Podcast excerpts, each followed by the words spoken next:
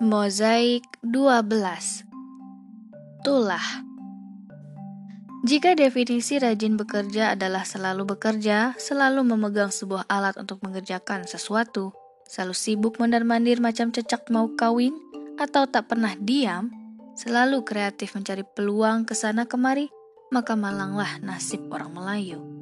Tenggelamlah mereka dalam stereotip yang telah tercap di kening mereka bahwa orang Melayu adalah kaum pemalas.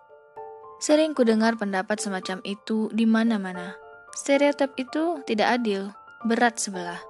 Orang Melayu di kampung kami sejak nenek moyang dulu hidup sebagai penambang. Mentalitas penambang amat berbeda dengan petani atau pedagang. Petani harus menyiangi lahan, menabur benih, dan dengan telaten memelihara tanaman sampai panen. Karena itu, mereka selalu tampak memegang alat dan mengerjakan sesuatu. Pacul dan sabit seperti perpanjangan tangan mereka. Perangai tanaman yang menuntut perhatian membentuk mereka menjadi tekun. Kebijakan mereka adalah tak menabur, tak memelihara, tak memanen.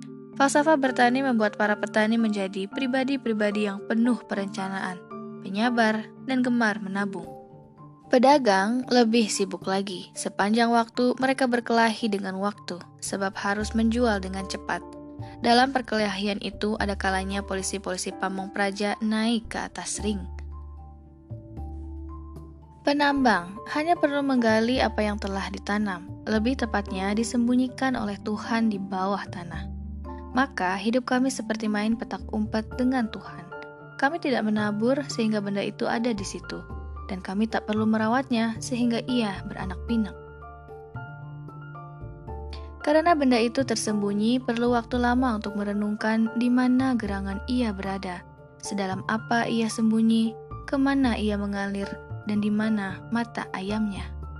Mata ayam adalah sebutan untuk sumber mata air timah. Semua itu direnungkan orang Melayu di warung kopi. Maka, mohonlah maklum bahwa perlamunan di warung-warung kopi itu merupakan bagian dari pekerjaan mereka.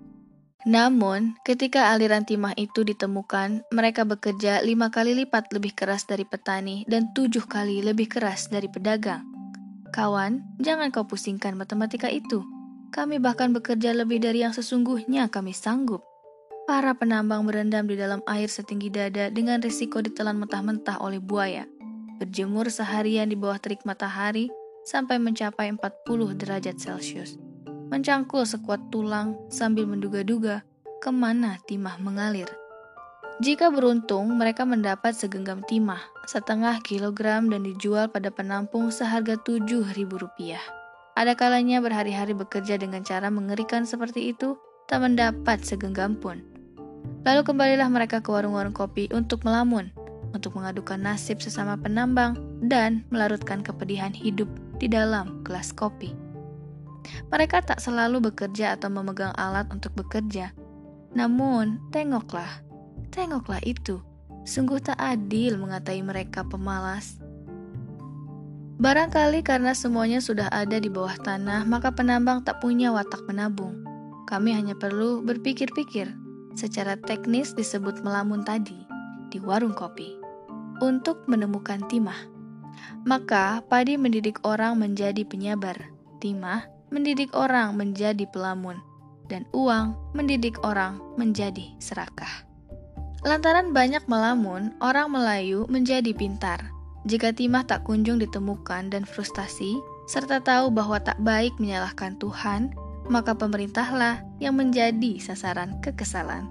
Semua itu menjawab pertanyaan mengapa warung kopi selalu ramai dan pembicaraan di sana selalu tentang pemerintah yang tak becus. Semua, semua yang kita ketahui dalam hidup kita ini adalah hasil dari pendidikan.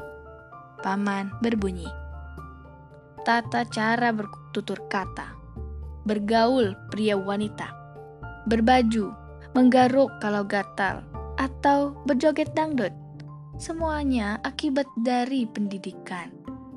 Maka, jika ada yang tak beres dengan tabiat umat di republik ini, itu adalah tanggung jawab Menteri Pendidikan. Ia mendelik padaku. Mendengarkah kau itu, boy?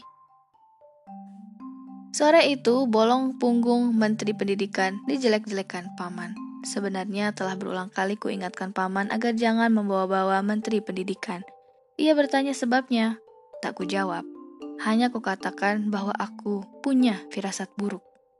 Firasat buruk macam mana maksudmu? Ku beritahu kawan, sejak paman sering menjelek-jelekan presiden, kesehatannya memburuk dan semakin buruk sejak ia mulai mengata-ngatai Menteri Pendidikan. Rahasia, kataku. Paman muntap. Rahasia? Apa pula ini? Sebutkan. Atau kau tak upah bulan ini? Apa boleh buat? Semua itu karena aku dekati telinga paman. Kualat. Paman serta merta bangkit. Nah, inilah akibat buruknya pendidikan bicara sekehendak hati saja, tidak pakai akal.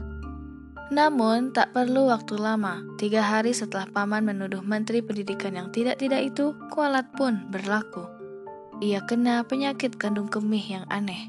Jika tertawa keras, berteriak atau bersin, selangkangnya ngilu. Sehingga setiap kali tertawa, berteriak atau bersuit, dia harus memegangi selangkangnya untuk menahan sakit. Dari situasi ini, segera aku tarik pelajaran moral nomor 21, bahwa tulah Menteri Pendidikan lebih tinggi dari tulah Presiden.